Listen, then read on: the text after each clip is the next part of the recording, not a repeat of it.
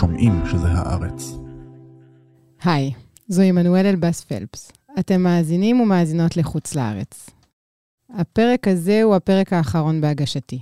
אני אגיד על זה כמה מילים בסוף, אבל בגלל שזה הפרק האחרון שלי, החלטנו לעשות משהו קצת שונה. בפרק הזה אנחנו לא עם סיפור אחד, אלא עם העולם שלנו ועם הבעיות שלו. ואיתי באולפן נמצא נדב אייל, עיתונאי ידיעות אחרונות וויינט, ומחבר הספר המרד נגד הגלובליזציה. שלום נדב. שלום עמנואל. אז נדב, אנחנו חיים בעולם שבו הכל נפיץ מאוד, לא צפוי, כללי המשחק נשברים כל הזמן. יש גם תחושה של חוסר שליטה, אפילו חוסר אונים, ובכלל נראה כי העולם המערבי לא מאוד אופטימי לגבי העתיד, יש בו משהו מאיים כלכלית, גם מבחינת אה, אקלים, אה, פוליטית, מדינית. אז בואו ננסה לדבר על התהליכים ולזהות את האיומים. נתחיל בהמחשה שקיבלנו לפני כמה ימים על המושג אה, לא צפוי, כשמיליציה פרטית הייתה בדרך להשתלט על מדינה עם ארסנל הגרעיני הגדול בעולם. כן, את מתייחסת כמובן לניסיון של יבגני פרוגוז'ין לעשות משהו ברוסיה, אנחנו לא בדיוק משוכנעים מה, ואז באותה מידה שהסיפור הזה נפרס בפנינו כמו מניפה דרמטית, אולי הכי דרמטית, מאז פרוץ המלחמה באוקראינה, הדרך שבה המניפה הזאת בעצם התכווצה בחזרה ונעלמה אל תוך ערבות בלרוס, כאשר כולם נשארים עלומים ונעלמים באלף אל מול התופעה הזאת. אני רוצה לומר משהו אבל על הפתיח שלך, שהתייחס לתחושה הנפיצה הזאת. ואני רוצה לומר משהו במבט היסטורי קצת יותר רחב. מראשית התקופה המודרנית, רוב הזמן אנשים הרגישו כמו שאת מרגישה כעת, או את הסנטימנט הזה של חוסר היציבות, שלא יודעים מה ילד יום, של אידיאולוגיות שהופכות לאלימות פוליטית, של טכנולוגיה משבשת, שיכולה לקחת ממך את מקום העבודה, של רעיונות פוליטיים חדשים לחלוטין, שלא חשבת עליהם קודם, ולפעמים נראים לך קיצוניים או מוטרפים, או אולי אתה מתאהב בהם. זאת אומרת, במידה רבה מאוד זה הסיפור של העידן המודרני. אחרי העולם המעגלי, שבו אנשים אה, שאפו להיות סנדלרים כי הוריהם היו סנדלרים, והורי הוריהם היו סנדלרים, וקראו להם סמית, כי הם עסקו, ב, את יודעת, בעבודת אה, אה, נפח ברזל כזאת, ו, ו, והרעיון הוא שהישן הוא הטוב. אל עולם שבו מה שטוב זה החדש, זה הקדמה, זה ההתקדמות, זה שהילדים שלי לא יחיו את חייהם כמו שאני חייתי, אלא חיים טובים יותר. ומה שקרה זה שאת ואני נולדנו באופן מקרי לחלוטין. בתוך פרק זמן קצר, שאני כיניתי אותו בספר עידן האחריות, אה, מבלי לרצות ליצור לו איזו אידיאליזציה מיותרת, שזה בעצם הייתה התקופה בין תום מלחמת העולם השנייה לבין, סתם אני שם סמן, 11 בספטמבר. והתקופה הזאת הסתיימה. ואנחנו בעצם חזרנו אל המצב המודרני, שהוא מצב רב תהפוכות, משום שהתהליכים שאנחנו רואים הם תהליכים מהפכניים ויוצאי דופן, תקדימיים בהיסטוריה האנושית, של השיפור בתוחלת החיים, של השיפור באיכות החיים, של הדרך שבה אנחנו יכולים להקדיש הרבה יותר זמן להשכלה, ומצד שני, הגידול האדיר באוכלוסייה, העומס המובהק על אה, משאבים של כדור הארץ, הדרך שבה אנחנו מכלים את כל העולם הטבעי שמסביבנו, ואיך כל הדברים האלה, יחד עם הטכנולוגיה, יוצרים לחצים הולכים וגוברים על המסד המסורתי של החברה האנושית. ומתוך הדבר הזה צומחים, אם תחשבי על זה, גם תפיסות אה, טוטליטריות, גם פופוליזם, גם לאומנות, גם ליברליזם, גם הרעיון של זכויות אדם. זאת אומרת, איך אנחנו מתמודדים עם, ה, עם הלחצים האלה? ועידן היציבות הסתיים, ומה שאני קורא לו, נגיד, או קראתי לו המרד, הוא הסטטוס קוו. וקשה לנו מאוד להשלים עם זה, שזה הסטטוס קוו. אני חושב שהילדים שלי, ש... שכבר גדלו לתוך העולם הזה, זאת אומרת, יש לי בת שהיא בת 12, אז uh, את יודעת, היא, היא נולדה כשבעצם היינו uh, במצב ש, שדונלד טראמפ תכף יהיה כאילו בשלטון, לא, לא על דונלד טראמפ, כן? אבל תכף דונלד טראמפ יהיה, יהיה בשלטון, ו, ועבורם זה די רגיל. זאת אומרת, אני קמים בבוקר, אני אומר, כן, היה ניסיון מהפכה ברוסיה, אוקיי. אה, הייתה מגפה עולמית שסגרה אותנו בבית אה, כמעט שנתיים, כן, בסדר. זה, זה חלק מההיסטוריה שלהם. אפילו, דרך אגב, אני אפילו רואה, מתחיל לזהות איזו תודעה היסטורית כזאת. אני זוכר שתוך כדי הקורונה, אמרו, כן, יהיה לנו, זאת אומרת, זאת חוויה, יהיה לנו מה לספר, זאת אומרת, הם ממש אמרו, יהיה לנו, וואו, זאת אומרת, זה משהו גדול, אנחנו חלק עכשיו ממשהו גדול, ואני כאילו, כן, הילדים בבית, יש שלושה ילדים בבית, כן. אבל זה גם עידן שבו יש הרבה יותר אה, נשק גרעיני. יש משבר אקלים, ומהירות התגובה היא עצומה. יש, המרחב לטעות הוא מאוד קטן. כן, אז אמ, את יודעת, יש, אה, יש קטע אה, בארמגדון, כמו שאת מכירה אותי, בניגוד לדימוי שלי, אני לא מצטט מהאיליאדה בדרך כלל, אלא מארמגדון, אני מדבר על הסרט עם ברוס וויליס, כן? וליב טיילור, שהם הולכים להציל את כדור הארץ מאסטרואיד שעומד להתנגש בו. כן, כן, אני חושבת על כאילו לא שיר הסיום כרגע. לא, אוקיי, את כאילו מביטה בי כאילו לא ראית אותו. ראיתי, אני רוצה אוקיי. לדעת מה התובנה. יופי. אז אה, הם יושבים על ה... כזה, החללית שהולכת לקחת אותם לאסטרואיד, ואז אה, אחד שואל את השני, תגיד, אה, איך, אתה, איך אתה? ואז הוא אומר לו, אני יושב פה על טיל made of 10,000 moving parts, built by the lowest bidder, אוקיי? אה, עשרת אלפים חלקים נעים שנבנו על ידי המציע במחיר הנמוך ביותר. דרך אגב, זה ציטוט אמיתי של אסטרונאוט אמיתי, שאמר את זה על הטיסה שלו לחלל. אה, לא סתם, אתה אוקיי. מצטט את ארמגדון. כן, אבל ציטטתי את ארמגדון. בכל מקרה, זה העולם שלנו. העולם שלנו לא 10,000 moving parts, הוא כאילו like a billion moving parts, built by the lowest bidder. זאת הגלובליזציה הנוכחית. באיזה מובן? היא מעולם לא נבנתה. המערך שיש לנו היום, סתם מועצת הביטחון של האו"ם, הבנק העולמי, ארגון הבריאות העולמי, שום דבר שקיים לנו בעולם לא נבנה כדי לנהל את המפלצת הזאת החיובית והשלילית שנבראה פה. זה פשוט נבנה טלאי על טלאי. מה זה אומר? היה צריך לנצח את המלחמה הקרה, המערב ניסה לנצח את המלחמה הקרה, הוא בנה איזשהם דברים. היה אחרי מלחמת העולם השנייה, היה את החשש שיבוא דיקטטור ויכבוש, אמרנו, בוא, נקים את מועצת הביטחון של האו"ם, אה, אבל מי יהיה שם? אוקיי, ניתן למעצמות שניצחו להיות שם, אבל שאול דה גול התעקש, הוא, הוא חייב להיות גם במועצת הביטחון, והמערב רצה שהוא יהיה במועצת הביטחון כמובן, וזה, אז לא צריך, נניח, אנשים מאפריקה, זאת אומרת, יבשת שלמה היא לא נמצאת במועצת הביטחון כחברה קבועה, לא צריך אנשים מאמריקה הלטינית. הבנק העולמי, הכללים של קרן המטבע, מענקי האיזון של קרן המטבע, ינוסחו בדרך אה, כמובן מאוד מסוימת. ארגון הבריאות העולמי, או כמובן שכולנו רוצים רק בריאות, אף אחד מאיתנו לא יסתיר איזה נגיף מסתורי שיתפתח באיזה עיר מסתורית. אנחנו נמשיך גם לטוס, וגם נבנה שם עשרה בתי חולים בשבוע, כי יש נגיף מסתורי שמסתובב שם, אז אין כללים אכיפים של, של ארגון הבריאות העולמי. זאת אומרת, אה, בניגוד לכל מיני סרטים, אין דרך שבה אתה יכול אה, להנחית צוות באיזו מדינה שמתפרץ בה פתאום נגיף. ויותר ויותר אנחנו רואים שקשה מאוד לנהל סיכונים במציאות הזאת. למה אני מתכוון? תסתכלי עכשיו מה שקרה ברוסיה. אוקיי, מדינה גרעינית באמת, המדינה הגרעינית החשובה ביותר בעולם, כנראה אחרי ארצות הברית. זאת אומרת, אי וסין הם ככה זה, אבל, אבל כנראה הכי חשובה אחרי ארצות הברית. תראי מה קרה שם, אין לנו שום דרך לעשות לזה שום ניטור בינלאומי, כמובן, אם מישהו משתלט עליה, ומשתלט על המאגרים, נשק הגרעינית שלה, משתגע מחליט אה, לפתוח במלחמה. אין, אין שום דבר כזה בעולם שיכול... כרגע אין לנו שום מנגנון שיכול למנוע את זה. שהוא לא מנגנון שהיה לנו לפני 200 שנה, זאת אומרת מלחמה רגילה או משהו כזה. אין לנו שום מנגנון שיכול להיאבק במגפות בדרך כזאת, שאנחנו יכולים להגיד, נגיד למדינה, אה, תראי, אה, אם שמענו שיש שם איזה נגיף מסתורי, אז לא כדאי שיצאו משם טיסות כרגע. אין לנו מנגנון כזה. אין לנו מנגנון שאומר, אה, במדינה הזאת כל המערכת הפיננסית מורכבת על הונאת פירמידה, שנקראת סאב פריים. אוקיי? ו- ואז זה מתחיל להתפשט לתוך השווקים הפיננסיים הבינלאומיים, ויש לנו בעיה עם זה. ואין אף אחד שידפוק על הדלת של ארה"ב של אמריקה ויגיד, היי, התפתחה לכם פה בעיה בגלל שבתקופת מדיניות רייגן החלטתם להסיר רגולציה על שוק ההון שלכם, ועכשיו זה הולך לדפוק את העולם, וזה הולך לעלות בחיים של הרבה אנשים. המשבר הכלכלי של 2008-2009 עלה בחייהם של בני אדם, אה, כי נחסכו תקציבי בריאות, כי אנשים פוטרו מהעבודה שלהם. החיים של אנשים נהרסו, היו לזה השלכות, השלכות של אלימות, השלכות של סמים, השלכות ענקיות, ואף אחד לא שילם מחיר אה, אמיתי, וגם אין לנו מנגנונים לטפל בזה. תחשבי על מלחמת האזרחים הסורית.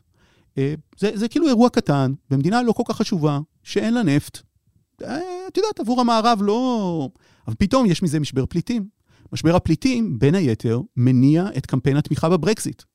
הקמפיין תמיכה בברקזיט מנצח לא רק בגלל משבר הפליטים, יש שם היסטוריה שנבנתה, אבל משבר הפליטים תרם לזה הרבה מאוד.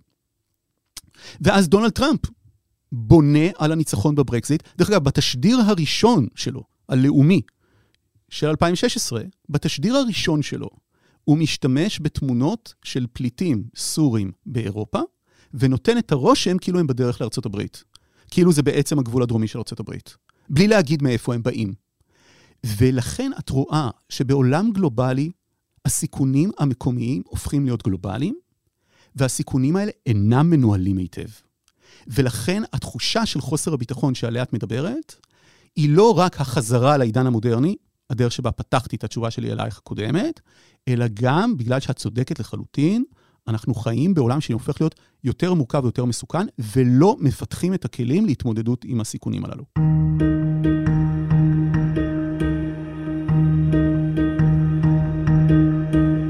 גורם נוסף הוא זה שאנחנו בעידן שמדינות הלאום מתפרקות ומתקשות להתמודד גם עם אתגרים מורכבים, כפי שאתה מתאר עכשיו. נכון, מדינות הלאום נלחצות בידי הלחצים של גלובליזציה. אני אתן דוגמה. ראש הממשלה נתניהו נותן לנו את הרושם, ולא רק הוא, כל ראשי המדינות, נותנים לנו את הרושם שהכלכלה קשורה אליהם. אוקיי? זאת אומרת, הם יכולים להיטיב. יש בעיית אבטלה, הם יכולים לפתור. הם כל הזמן נותנים את הפסאדה הזאת של, של שליטה. אבל הפסאדה הזאת היא רק פסאדה. באיזה מובן? נגיד שמתמנה נגיד בנק ישראל חדש, ואותו נגיד מחליט שהוא יוריד את הריבית דרמטית, הוא יחתוך אותה בשתיים. יחתוך אותה לחצי ממה שהיא היום. המשמעות עבור המשק הישראלי תהיה כמעט מיד קשה ביותר. קשה ביותר. הכסף יברח מפה, השקל יקרוס, הכלכלה לא תעמוד בזה. למה? כי מי שבאמת חשוב בקביעת הריבית בישראל הוא נגיד הבנק הפדרלי. זה מי שבאמת חשוב, וגם הבנק האירופי, וגם סביבת הריבית העולמית. כל עוד המטבע הישראלי והשוק הישראלי פתוח לעולם, אז מי באמת מחליט? עכשיו, כמובן שאתה יכול לחפור לעצמך בור ענק באדמה, אמ, לשפוך לתוכו בנזין, ולהחליט לשרוף את הישגיך, כמו שעשתה ממשלת ישראל עם אה, ההפיכה המשפטית שהם מנסים לחולל, וזה יגרום עוד יותר נזק. אבל האם הוא שולט על סביבת הריבית, או נגיד הבנק המרכזי הישראלי? לא באמת. האם נניח שיש נגיף שמתפשט בעולם, האם כאשר אתה לא מחליט לנתק את מדינתך, פשוט לעצור את כל הטיסות, לחסום את כל הגבולות, האם אתה באמת יכול לשלוט על ההתפשטות שלו בתוך אוכלוסייה דמוקרטית? Uh, התשובה היא שאתה יכול לעשות כל מיני צעדים של ריחוק חברתי שאסור, וכפי שידוע, בעיניי רבים מאוד מהם היו מוצדקים לשעתם, אבל, אבל היכולת שלך היא עדיין מוגבלת. זאת אומרת, כל הפסאדה של שליטה, שהיא תמיד פסאדה של שליטים, ושל כמרים, ושל מנהיגי דת, כל הפסאדה הזאת בעולם של גלובליזציה נשברת. למה? כי גם אתה אומר למישהו איזה משהו, איזו עובדה בטלוויזיה. פעם שר האוצר היה משקר בטלוויזיה. נגיד היית, היא רואה את זה בבית. היית ממש מתעצבנת כי שר האוצר שיקר בטלוויזיה. מה היית עושה? מה היה לך לעשות? היית, מה, מתקשרת לטלוויזיה? היו אנשים שמתקשרים, נודניקים כאלה, שהיו מתקשרים למרכזייה. רציתי לומר ששר האוצר שיקר עכשיו בטלוויזיה, תעבירו לקריין. זה, זה היה לוקח, ש, שעושה, לכתוב מכתב לעיתון, מה היית עושה? לא היה לך מה לעשות. היום, את ישר כותבת פוסט בטוויטר או בפייסבוק, את שמה את הוידאו הזה, זה הכל בחינם דרך אגב, זה לא הולך כסף לעשות את זה. אפס עלות, ואת חושפת את השקר. תוך 20 שניות יש לזה 100 אלף צפיות, יכולות להיות לזה יותר צפיות ממה שהיו לצפיות בטלוויזיה, זה גורם לו נזק. אז פתאום הפסאדה של כוח, של שליטה, של אני מבין משהו, זה נכון גם לגבי עיתונאים דרך אגב, גם אם אני עושה טעות, הפסאדה הזאת נשברת. טוב, אבל עיתונאים, אה, לפחות אה, ההגונים, כן משלמים מחיר על טעויות או על שקרים. פוליטיקאים שאתה מדבר עליהם דווקא מאוד אה, חסינים לחשיפת השקר. זה, הם חיים בתוך ה fake news וגם ניזונים מהדבר הזה. זה אולי אפשר במילים אחרות לדבר על פופוליזם. נכון, זאת אומרת, אני בדעה, וזה כאילו, כשהספר יצא באנגלית, הוא יצא במהדורה, בישראל הוא יצא במהדורה ב-2018, באנגלית הוא יצא בעצם ב-2021. ו... ואז הרגשתי צורך לכתוב פרק שלם רק על זה. ואחד הדברים המעניינים שהתחלתי לקרוא מחקרים זה עד כמה אנשים כשמפיצים פייק ניוז, הם יודעים, לפי חלק מהמחקרים, שהם מפיצים פייק ניוז ולא אכפת להם. זאת אומרת, הם לא נפלו בפח. זה לא ש... אה, טוב, לא ידעתי. לא, לא, לא. הם יודעים שזה שקר. הם או, עושים מניפולציה מודעת. או אם אומרים להם שזה שקר, הם אומרים, הייתי משתף את זה בכל מקרה. למה? משום שהשיחה השבטית, ומי צודק ומי מפסיד, היא הרבה יותר חשובה מאשר האמת או השקר. ולכן הם לא, הם לא איזה אנשים שנפלו בפח של השיטה, זה לא אשמת פייסבוק, אוקיי? רק. אני בהחלט חושב שהרבה מאוד זה אשמת פייסבוק ורשתות, אבל, אבל זה לא רק. זה משהו בתרבות שלנו שנבנה. והדבר הזה, החסינות אל גילוי האמת, הרעיון שהאמת לא משנה, אלא מה שמשנה זה להיות בצד הנכון, שהוא כולו מונע סנטימנט ולא רציונל. הדבר הזה מאוד שוטף את החברות שלנו. ואגב, הוא שוטף את החברות שלנו מכל הצדדים. פופוליזם יכול להיות ימני, יכול להיות גם שמאלני, או, או ממקור שמאלני, נגיד בוונצואלה, כמו שאת יודעת, כאילו המקור הוא מרקסיסטי, כאילו. ו, ושם הרעיון הוא תמיד התפיסה שהיא לפעמים שקר, או לפעמים שקר שמבוסס על איזשהם בסיסים של אמת, היא תפיסה אנכית. השאלה היא, מי שולט בחברה? ופופוליזם אומר, אלה ששולטים בחברה לא מייצגים את מי שמתחת. זאת אומרת, תחשבו על זה בתור קו. אלה שנמצאים למטה, לא בשלטון. מול מה? מול גזענות. גזענות היא אופקית. היא אומרת, פה בחדר יש אנשים שלא צריכים להיות בחדר, כי הם הורסים לכולם. בואו נזרוק את האנשים האלה מהחדר, בואו נזרוק את היהודים מהחדר, בואו נזרוק את הערבים מהחדר, וכך הלאה, את המוסלמים, לא משנה. בואו נזרוק מישהו אחר, הכל יהיה בסדר. אז זה אופקי. והפופוליזם הוא אנכי. וכמובן, הצורה הקשה ביותר של פופוליזם היא פופוליזם שהוא גם גזעני, והוא גם מבוסס על מי נמצא בראש החברה ומי נמצא מתחתיה, והוא חייב לחסן את עצמו בפני עולם העובדות, כמו שאמרת. למה? משום שלעיתים קרובות הוא מבוסס על קונספירציה. ואני נותן דוגמה מתוך הפופוליזם הישראלי. באמת באמת, מי שנמצא בשלטון זה הימין הישראלי שנים רבות. באמת, מדיניותו ברמות רבות ממומשת. ואיפה שהיא איננה ממומשת, לעיתים קרובות זה כי הוא עצמו, או סוכניו בכנסת לא רוצים לממש אותה, או שהמסד הדמוקרטי שעליו בנויה ישראל לא יכול לאפשר את מימוש המדיניות הזאת, כי הוא מחוץ לכללים הדמוקרטיים. אבל אז באים אנשים, כותבים ספר כמו, למה אתה בוחר ימין ומקבל שמאל? אה, והתשובה היא תמיד נעוצה, או בפחדנות של הפוליטיקאים לממש, או בזה שאיכשהו הפקידים, העיתונאים, האילומינטי, אנשי הלטאה, הבונים החופשיים, תמיד איזשהו גורם חיצוני הפריע למימוש של הרצון של העם האותנטי. תשימי לב כל הזמן לאותנטיות, האותנטיות היא כל כך חשובה. אה, ראיתי קטע מצוין של יובל אה, נוח הררי לפני כמה ימים. אה, משום מה אינסטגרם דוחף לי פילוסופים. אוקיי, זה המצב שלי כרגע, זה ז'יז'ק ו- ויובל נוח הררי, ובקטע הזה, כאילו שואלים אותו מה צריכים להיות פוליטיקאים בימים האלה, הוא אומר, לא אותנטיים. שלא יהיו אותנטיים. אני חושב שזה מבריק. אנחנו לא רוצים אנשים אותנטיים. ולמה הוא בעצם מתייחס? זה משהו שאני, אני הקטן, כתבתי עליו בספרי, אנשי עידן האחריות, מי הם היו? הם כולם נראו כמו פקידים כאלה. אז תשימי את קונרד, את פנחס ספיר, וקחי נניח, אני יודע מה, את uh, ראש הממשלה הבריטי לפני מרגט תאצ'ר, הית'. ומישהו היה יודע להבדיל ביניהם? לא, זו חבורה של פקידים שמנמנים כאלה קרחים בדרך כלל. ו... והם, אה, את יודעת, עם עט בכיס, ופה בישראל הם מסתובבים עם תעודות זהות בתוך הכיס, רק למקרה שיפגע בהם אוטובוס, שידעו לזהות אותם. וזה היה, זה היה העולם, זה היה אנשי עבודה. הם היו רחוקים מאוד מנאומים בכיכרות. נקרא את הסיפור הזה על אובמה ומרקל, שאני לא יודע אם הוא נכון, אבל הוא דווח באיזו כתבה עיתונאית, ש, שאובמה אמר למרקל, את צריכה עכשיו לשאת איזה נאום חוצב להבות על משהו שקשור למשבר הפליטים, ומרקל ככה הקשיבה באדיבות, ואז היא אומרת לו, Mr. President, do you really want uh, German leaders to start uh, talking with charisma again? Okay? לא יודע אם זה סיפור נכון, זה סיפור טוב. אבל הוא סיפור טוב, כן. סיפור טוב.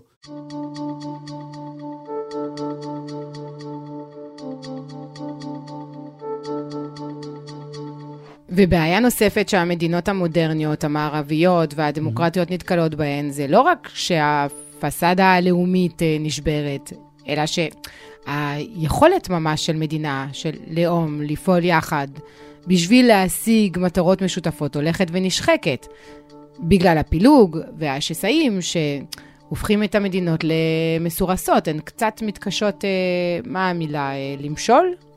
משילות. אז האתגר הכי גדול למשילות היום בעולם, במערב, אה, הוא לא המערכת המשפטית. האתגר הכי גדול למשילות במערב הוא שבטיות, שבטיות פוליטית. עכשיו, מה זאת שבטיות פוליטית?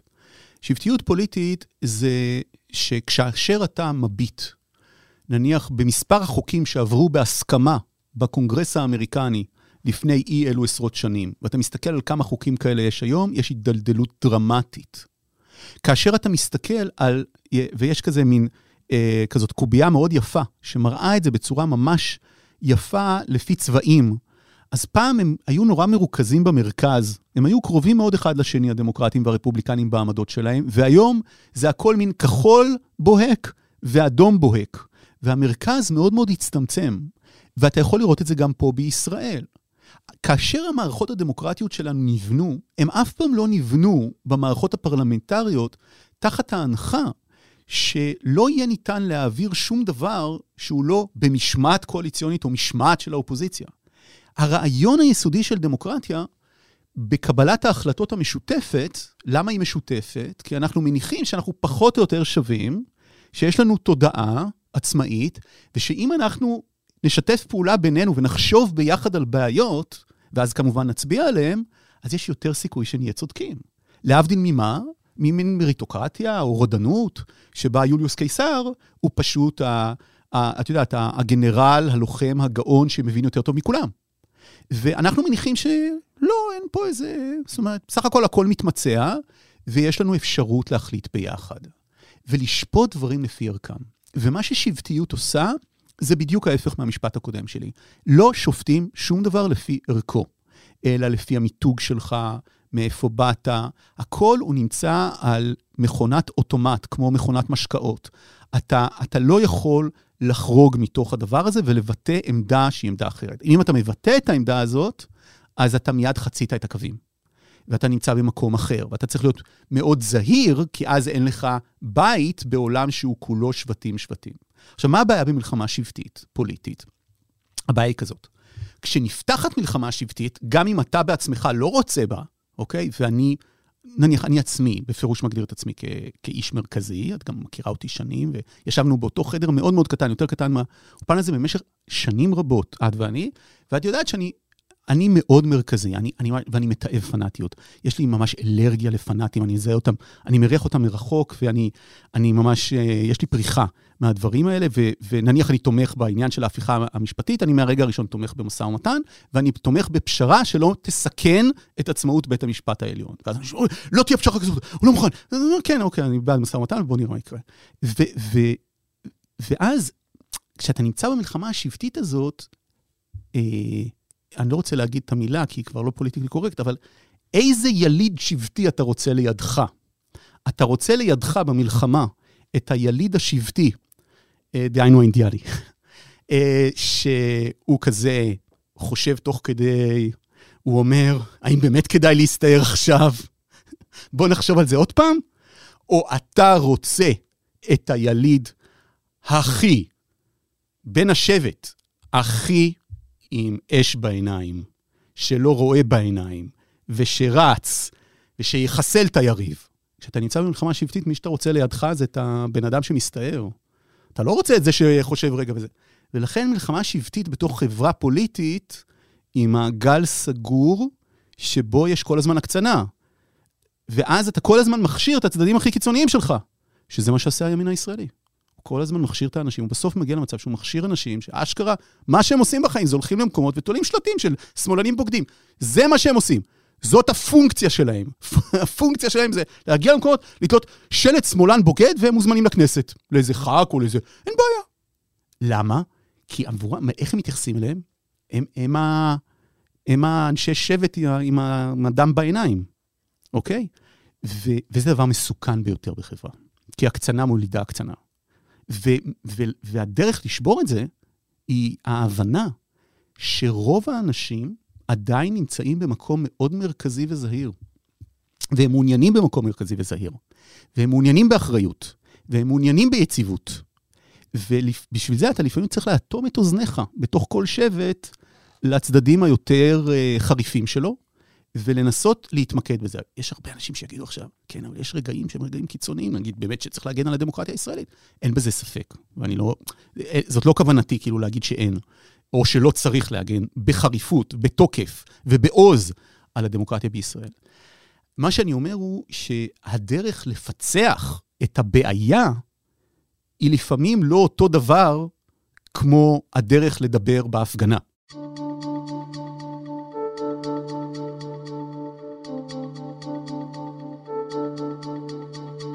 השבטיות הזאת בתוך החברה שעליה אתה מדבר, שבטיות שמובילה לקיצוניות, עד כמה היא פוגעת במאמצים להתמודד עם אתגר כמו משבר האקלים? אני חושב שהיא פוגעת מאוד, והדוגמה שאני, שאני הבאתי בספר זה ועידת מונטריאול. אה, אני מזכיר שבראשית שנות ה-80 מעלים אה, מדענים את האפשרות התיאורטית שחומרים מסוימים יכולים לפגוע בשכבת האוזון. זאת הייתה אפשרות תיאורטית, CFCs. חומרים שנמצאים במקררים או היו במקררים, היו במזגנים. ואז הם מבצעים ניסוי מעבדתי והם מראים שזה אכן פוגע באוזון. ואז אה, צילומי לוויין ומדידות אחרות מראות שאכן יש פגיעה באוזון. מה שאנחנו מכנים חור באוזון, אבל המינוח הנכון הוא הידללות בשכבת האוזון, בכמה נקודות. והעולם מאוד מאוד נלחץ. עכשיו, זה קורה באמצע שנות ה-80. ולקראת, uh, ב-87, לדעתי במונטריאול, מתכנסות אומות העולם וחותמות על אמנה די פשוטה. Uh, אמנה מחייבת שמוציאה את החומרים האלה מחוץ לחוק. והסובייטים לא אומרים, עדיין יש uh, גוש סובייטי, הם לא אומרים, אה, לא, זו קונספירציה של המערב נגדנו. והסינים לא אומרים, אה, זה בשביל שזה יעצור את הצמיחה שלנו. והרפובליקנים בארצות הברית, אני מזכיר, מי חותם על זה? זה ממשל רייגן. הם לא אומרים, לא, למה? כי המדע אמר. כי העולם ההוא היה העולם של עידן האחריות, העולם של עידן הקדמה. עכשיו, יש בפנינו איום הרבה יותר חמור מה-CFCs, שזה היה, את יודעת, זה לא היה דיים מול מה שקורה עכשיו, מה שקורה כרגע. האיום הזה זה איום על הציוויליזציה עצמה. מה שקורה עכשיו באוקיינוסים הוא אירוע אנומלי בצורה מטורפת. ואנחנו רואים אותו נגד עינינו, ועדיין, על מה אנחנו מדברים? הסכמי פריז הם הסכמים וולונטריים. זאת אומרת, אנחנו לא מדברים על שום דבר ממש מחייב, ואנחנו לא עובדים בקצב המתאים, למרות שדרך אגב, כבר היום יש שיפור ניכר, אנשים לא מודעים לזה, וצריך לעודד אותם כדי שהם ידעו את זה. כבר היום, מההסכמים הוולונטריים שנחתמו, יש ירידה דרמטית בפליטת גזי חממה, ושיפור ניכר באפשרות של הישרדות של הציוויליזציה. כתוצאה מזה. כמה? כמעט בחצי ביחס למה שזה היה יכול להיות, אם הפליטות היו ממשיכות בקצב שלהם של uh, אמצע שנות ה-80 או אמצע שנות ה-90, היו מתחילים, ממשיכות לגדול באותו... זאת אומרת, מה שעשינו, אלה שעשו, זה, זה מאוד סייע. ויש הרבה דברים שכל אחד מאיתנו יכולים לעשות, ואנחנו לא עושים מספיק. ואז, בתוך העולם הזה של המרד, שבו אין אמת, שבו יש פופוליזם, שבו כל דבר הוא פתיח לפרשנות, שבו פתאום אה, מישהו יכול אה, רגע אחד להפגין בבלפור כי הוא חוש... מפגין נגד פושע ודיקטטור, ואז רגע אחד הוא, הוא מסביר לך, וזה דוגמאות שאני פשוט מכיר, ש, ש, שחברות הפארמה, ואז רגע אחד אחרי זה הוא משביר, מסביר שמשבר האקלים לא קיים, אוקיי? ומצד שני אתה רואה את אותו דבר בימין ואפילו ב, ב, ביותר תוקף, אוקיי? בייחוד האמריקני, אבל גם הישראלי. אז אתה, אתה חי במציאות שהיא מציאות ש, שהיא מכחישה את עצמה, ולכן היא מסכנת מאוד את כולנו. ו, וכאן אנחנו באיום, באיום אמיתי. אנחנו צריכים מנגנונים פוליטיים מתפקדים, שזה אומר שהם מתמודדים עם עובדות, שזה אומר שהם צריכים להסכים על עובדות, שזה אומר שאנחנו צריכים constituency, אנחנו צריכים קהל, אנחנו צריכים מצביעים שיכולים להסכים על הדברים האלה. ולצערי, אנחנו לא רואים עדיין את הפתח לזה. ובתיאור שלך, הכללי של המצב, שיש לנו ימין פה, ומרין לפן, היא מבחינתה כבר תכף מנצחת בבחירות הבאות, ואנחנו רואים את העלייה של ה-AFD, שהיא בעצם מפלגה נאצית, או, או, או דמוית נאצים, אה, בעיניי, בגרמניה, אה, והיא נמצאת במקום השני בסקרים ברבות מהמדינות. וממזרח גרמניה לפעמים אפילו ביותר מזה. אנחנו רואים את הדרך שבה ממשיכה ההיסדקות הזאת. ו, ומצד שני, אנחנו רואים סימנים באופק אה, של הרבה אנשים צעירים שנמצאים במקומות אחרים לחלוטין. ו, ולכן הקרב הוא עכשיו. אנחנו נמצאים עכשיו בשדה הקרב הזה, לכן אוקראינה חשובה. רוסיה, אוקראינה חשובה. ופוטין וגורלו יהיה חשוב. וכולם כאלה מחכים עכשיו לאיזה אירוע שיטה את הכף מבחינה היסטורית. שיש כאלה שחושבים שזה אוקראינה, שזה כבר קרה, כי פוטין לא מנצח שם. איזה מין הטיה היסטורית, יש כאלה שיגידו שזה אם טראמפ ינצח ב-2024, וזה יטה את הכף, אוקיי?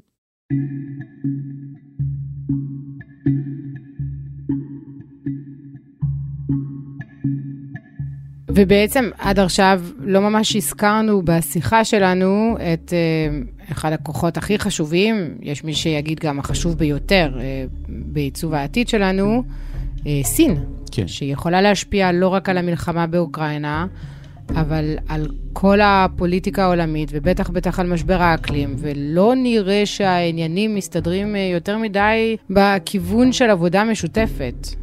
תראי, א', הסינים התחילו לעשות דברים מסיבותיהם שלהם, בין היתר בגלל בעיות של זיהום אוויר, שהן בעיות ש... שהן בעיות אה, שמעיקות עליהן ברמת האוכלוסייה, לא ברמת פליטת גזי חממה, וגם המעבר למכוניות חשמליות. זאת אומרת, יש כל מיני סיבות וייצור של תאים פוטו-וולטאי, כל מיני סיבות כלכליות שהם נמצאים במקומות האלה, אבל את צודקת שהם פחות אה, נושאים בנטל שהם אמורים אה, לשאת בו. אבל הבעיות הן, הן גם יותר גדולות מזה. זאת אומרת, בסין יש עלייה של לאומנות שמבוטאת על ידי הממשל המרכזי, ותפיסה טריטוריאליסטית הרבה יותר חזקה, ורצון, אני לא רוצה לומר לנקום, אבל רצון איכשהו לפצות על 100 שנות ההשפלה, שזה המיתוס היסודי של סין המודרנית, והוא סופר משמעותי. ו... ומשברים שקשורים למדיניות האסונית של המפלגה הקומוניסטית, מדיניות הילד היחיד, והבור הדמוגרפי וחוסר האיזון המגדרי שזה יצר בתוך המדינה הסינית, שהוא כשלעצמו יוצר בעיות סוציולוגיות מאוד חמורות ולחץ מאוד חריף. תחשבי על אוכלוסייה שאין בה מספיק כוח עובד מצד אחד, אבל יש בה יותר גברים מנשים, כל הזמן. זה ממש מתכון למשהו לא מי יודע מה כמה. אה, אחת הבעיות שאני, שאני מדבר עליהן בהרחבה בספר, וזה כאילו נחשב דיבור שמרני, אני לא חושב שזה דיבור אה, שמרני, אם כי עכשיו אני רואה שאילון מאסק מדבר על זה, אז זה קצת מצייר אותי, זה הנושא הדמוגרפי. אני, אני חושב שזה שיש לנו קריסה דמוגרפית בהרבה מדינות בעולם, ומי שלא יודע, זה לא רק במערב, זה גם בדרום אמריקה, מרכז אמריקה, אה, דרום אירופה, איטליה, ספרד, חלקים מצרפת, למרות שבצרפת המצב הרבה יותר טוב, בין היתר בגלל הרפורמות של מיטרן ביחס למשפחה. אה, ובסקנדינביה קצת יותר טוב, אבל ברוסיה, בטורקיה, באיראן, בכל מקום, בסין, בהודו, בכל מקום שאנחנו שמים עליו את, את האצבע, יש אה, ירידה דרמטית במספר הילדים. ויש אנשים שנורא מברכים על זה, ויש להם איזו מתפיסה של אה, גאיה, אילת כדור הארץ, המפצה את עצמה על פיצוץ האוכלוסין, כל הדברים האלה. וזה, אני לא יודע, זאת אומרת, לי זה נראה כאילו משהו מאוד לא בסדר בחברה האנושית, כאילו במקומות שבהם אתה יורד ל-1.2 ילדים בממוצע לזוג, זאת אומרת... יש אפילו פחות בקוריאה הדרומית וביפן. זה מספרים שבעיניי אומרים שיכול להיות שמשהו לא, לא לגמרי בר קיימא, לא איזה מין ירידה הדרגתית, אלא מין, וואו, זה מין קריסה כזאת, אבל גם אם זה לא, זה לא מטריד אנשים, אז אה, אחת הבעיות במדינות מתפתחות, או הדרום הגלובלי, זה מה שנקרא old before rich. ואנחנו נשמע הרבה מאוד על המושג הזה בשנים הקרובות, מה זה old before rich? זה אומר ש... זאת אומרת, הרעיון היה שהם יתפתחו, יתפתחו, יתפתחו, ואז הם יגיעו, והם בסוף כול, כולם יראו כמו, אני יודע מה, כמו צרפת או משהו כזה. אוקיי? זה תמיד היה רעיון מופרך, אבל לא משנה. אבל, אבל הרעיון זה שהם בסוף יגיעו לקדמה טכנולוגית מלאה. אבל אוקיי, אבל בשביל זה הם צריכים כוח עבודה. מה שאני אומר עכשיו זה לא יכול לקרות. העניין בדמוגרפיה כזאת זה שאני יודע כמה ילדים נולדו השנה. ואני יודע כמה נולדו בשנה שעברה, אז אני יודע מה יקרה כשהם ייכנסו לשוק העבודה, כוח העבודה שלהם הולך להצטמצם. וברגע שכוח העבודה שלהם הולך להצטמצם, הן יכולות להגיע למצב שבו הן יהיו זקנות לפני שהן יהיו עשירות. והן לעולם לא יהיו עשירות ככה. ואז מה יקרה? עכשיו, הן לא יהיו באמת זקנות. הן יהיו מדינות עם המון אנשים צעירים, אבל הם יצטרכו איכשהו לתמוך בהן. עכשיו, אלה בעיות מהותיות, שאני חושב שקשורות באמת לסוסטיינביליטי של החברה האנושית. וכאן אנחנו מגיעים לנקודה הכי חשובה, שהיא המאגדת של השיחה, ואין לי תשובה עליה. איך אנחנו מקיימים בתוך מציאות סופר אה, טכנולוגית, סופר AIית, בתוך מציאות שבה יש איומים כאלה על הקיום שלנו, איך אנחנו מקיימים מודל חדש של חברה שהיא בת קיימא, גם מבחינה פוליטית, גם מבחינה סביבתית, אה, בלי, בלי מהפכה שותתת דם ובלי רעיונות על אוטופיה מופרכים. כי, כי אני, אני לא רוצה להיות שם במהפכה שותתת הדם. אני רוצה רפורמה. ואיך אנחנו מגיעים לדבר הזה? והאתגר הזה, לבנות מודל של חברה מתפקדת, ליברלית, חזקה, אה, בת קיימא, אה, שמתחשבת בסביבה, אבל לא משמידה את התעשייה שלה, שבה אנשים יכולים לגדל ילדים, אבל הם גם צריכים לעבוד קשה ובתפוקה גבוהה, יחסית, לפחות כל עוד ה-AI לא החליף את כולנו, האתגר הזה הוא, הוא ממש האתגר כרגע. ואני נורא מקווה שיש אנשים שעובדים על זה. האם אתה, אה, כשאתה אומר את הדברים האלה, האם אתה חושב על מודל או על אנשים שמציעים מודל מהסוג הזה? א', אני קורא סופר מלא דברים חכמים. אני, אני חושב שאנחנו לא חסרים בהבחנות חכמות. נניח בסיום הספר, אני לא זוכר אם זה היה המוציא לאור הישראלי או האמריקאי, כן, הישראלי, אמר לי, אוקיי, אבל אתה חייב להציע, כאילו, אתה מציף פה המון בעיות, אתה חייב להציע משהו. אמרתי, אוקיי, אבל אני לא, אני לא מספיק חכם להציע שום דבר, כאילו, כי ג'וזף סטיגליץ הציע את כל מה שהיה צריך להציע. הוא כתב ספר שנקרא Discontent in Globalization, אני חושב שהוא כתב אותו ב-94. ויש שם המון הצעות טובות, פשוט צריך. לאמץ אותן. אוקיי? המון אנשים כתבו לפניי שלא יכול להיות שאנשים שהם over עשירים, אובר ריץ', הכלל לגביהם זה שהם לא ישלמו מיסים. זאת אומרת, אנשים עשירים משלמים מיסים, אבל אנשים שהם מאוד מליאנים, מיליארדרים, הם לא ישלמו מיסים, איכשהו. זה לא נשמע לי הגיוני כל כך. אז באמת G7, אחרי שביידן נבחר, מתחילים לטפל בדברים האלה. זה לא נשמע לי הגיוני. זה לא נשמע לי הגיוני שאין אדם שחור במועצת הביטחון של האו"ם. אוקיי? זה לא נשמע לי הגיוני שאין נציג לאמריקה הלטינית. זה לא נשמע לי הגיוני שאנחנו כולנו נהיה מחוברים, אבל לא יהיה שום אחריות גלובלית על כלום. לא פיננסית, לא בריאותית, על כלום. זאת אומרת, עכשיו, כל הדברים האלה הם בכלל לא דברים שלי, אבל אני חושב שהדברים האלה הם לא, הם לא הגיוניים. יש גם הרבה דברים...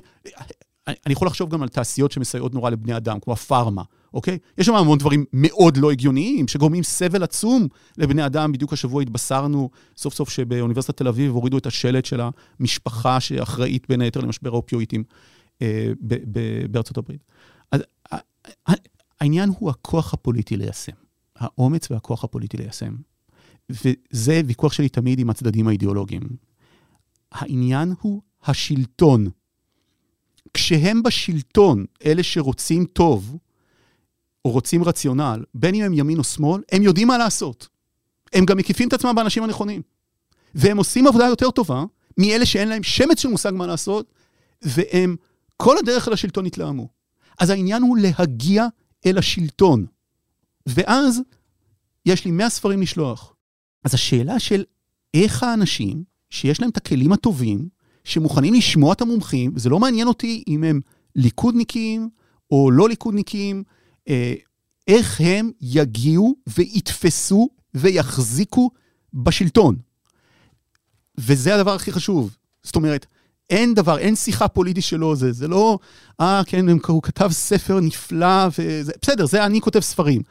האנשים האלה חייבים להגיע לשם, ולכן חייבים להיות מאוד מאוד ממוקדים בדבר הזה. ודרך אגב, להגיע לשלטון, ומה שאתה עושה בשלטון, זה לא אותו דבר.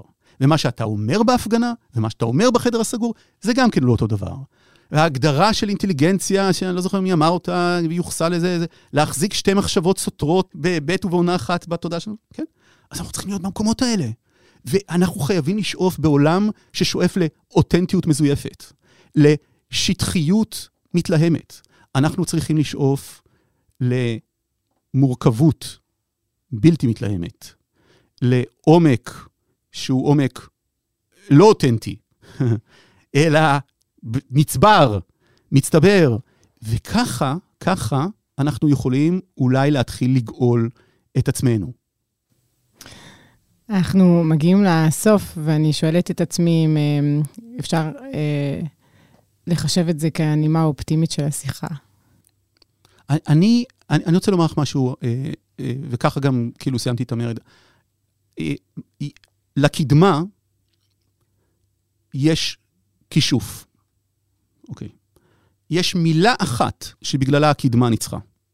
למה הקדמה והאנשים שנתנו אנטיביוטיקה ניצחו את אלה שאמרו, לא, צריך לשחוט תרנגולת ולשפוך את הדם על הראש של הילד עם חום, וזה יעביר לו את החום. למה הרופא עם האנטיביוטיקה ניצח, וההוא עם הדם של התרנגולת לא ניצח. אה, לא עושים יותר את העניין של הדם והתרנגולת? לא, לא, okay. אוקיי. לא, אולי בצרפת. אז למה? א', בואו נתחיל מהסוף. ההוא עם התרנגולת והדם, הוא היה הרבה יותר אותנטי. הרבה יותר אותנטי. הוא היה יותר מחובר לכפר, יותר האמינו לו, וזה נשמע יותר הגיוני. וזה גם מה שעשו, נניח, 100 שנה או 200 שנה או משהו כזה. והרופא עם האנטיביוטיקה היה פחות אותנטי, והוא הגיע מפריז, ושנאו אותו, ו- וכאלה. למה זה הצליח? זה הצליח, כי זה הצליח. זאת אומרת, הכישוף של הקדמה הוא ההצלחה. הסיבה שאנשים התחילו להשתמש בדברים של הקדמה, היא לא בגלל שהם התאהבו ברעיון של קדמה, שהוא רעיון אנטי-אינטואיטיבי, אלא כי הם פשוט ראו שזה דברים שמצליחים ועושים את החיים שלהם יותר טובים. הם לא תמיד הבינו. אני לא מבין איך המיקרופון הזה עובד. אני לא מבין. זאת אומרת, אם אני צריך ללמד ילד בן עשר איך המיקרופון עובד, אוקיי? אני לא מבין עד הסוף. אני לא מבין איך המחשב מולי עובד. אני לא מבין את הדברים האלה. אבל אני מבין שזה עובד. ולכן אני בסוף כן אופטימי. כי הקדמה מנצחת בגלל שהיא מצליחה. ואנשים רוצים להיות במקום מצליח וטוב. והם לא רוצים להיות במקום מידרדר ורע. וכל עוד זה המצב, אני שומר על פסימיות זהירה. נדב אייל, תודה רבה. תודה, עמנואל. Je suis venu te dire que je m'en vais. Et tes larmes n'y pourront rien changer. וזהו, עד כאן הפרק הזה של אה, חוץ לארץ, ובעצם אה, עד כאן חוץ לארץ בהגשתי. זכיתי להיות פה כל שבוע, לצלול לסיפורים ועולמות מוכרים יותר, מוכרים פחות, כדי לנסות ולהביא לכם ולכן קצת מהעולם הגדול. אני אה, ממשיכה בהתרגשות רבה לאתגר המקצועי הבא, אבל נפרדת היום, עכשיו, ויש לומר לא בקלות. אז אני רוצה להגיד תודה רבה אה, להארץ, ואני רוצה להודות לכם ולכן על ההאזנה כל שבוע. תודה שכתבתם כדי לבקש את uh, השם של שיר הסיום. Uh, תודה שחלקתם על uh, בחירת המרואיין, או שהצעתם uh, נושאים. הפודקאסט ממשיך כמובן, הוא נשאר בידי האנשים המוכשרים שלהם, אני מודה בסוף כל פרק. אז בפעם האחרונה, תודה רבה לאסף פרידמן, לאמיר פקטור, לאברי רוזנצבי, לנערה מלקין, דן ברומר ורועי סמיוני. אני הייתי עמנואל אלבאס פלפס, ואתם, לא אני, תהיו פה גם בשבוע הבא, ואיתכם תהיה, הנה ההפתעה, חן. זהו, אנשים כבר הלכו, אנשים כבר קיבו, סגרו את האפליקציה, אמרו, לא עמנואל, אני לא נשאר. מה פתאום? זאת חן ליברמן. היי, היי. ומעכשיו היא המנחה של חוץ לארץ. היי נכון, חן. נכון, זאת אני, רק הגעתי ואת הולכת. זה עצוב. זה, אני רואה שעצוב לך. אה, כן, זאת לא פרידה קלה, אבל בואי לא נגזים. אוקיי, לא, בסדר, עצוב, לא נורא עצוב. אבל זה מצד אחד עצוב לך, מצד שני מסקרן אותי לראות כמה כיף יהיה פה, שאחרי זה כל כך עצוב uh, לעזוב. אני חושבת שבעיקר את, את תגלי מהר שהדרישה פה לצלול באמת אה, לעולמות אה, אחרים, אה, מרתקים, אה, מעשירה אותך באופן אישי. כן, וה... זו עבודה שגם מרוויחים ממנה. מרוויחים ממנה ידע. ובכלל, החדשות בארץ כל כך מדכאות בחודשים האחרונים, שכל מה שבא לי זה לברוח לצרות של אחרים, או לחלופין לחפש לאן הכי טוב לברוח. אז תראי, אנחנו מצאנו הרבה רודנים, עוני. אה, שיהיה לך בהצלחה. תודה רבה, עמנואל. ותהני מלא. ואני מקווה לא להרוס. תודה, ושיהיה לך גם בהצלחה. תודה רבה.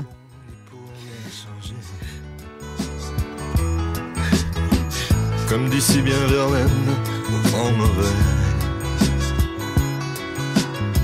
Je suis venu te dire que je m'en vais. Souviens des jours heureux et tu pleures. Tu sanglotes, tu gémis, à présent, personne n'est. Des adieux à jamais. Oui, je suis au regret.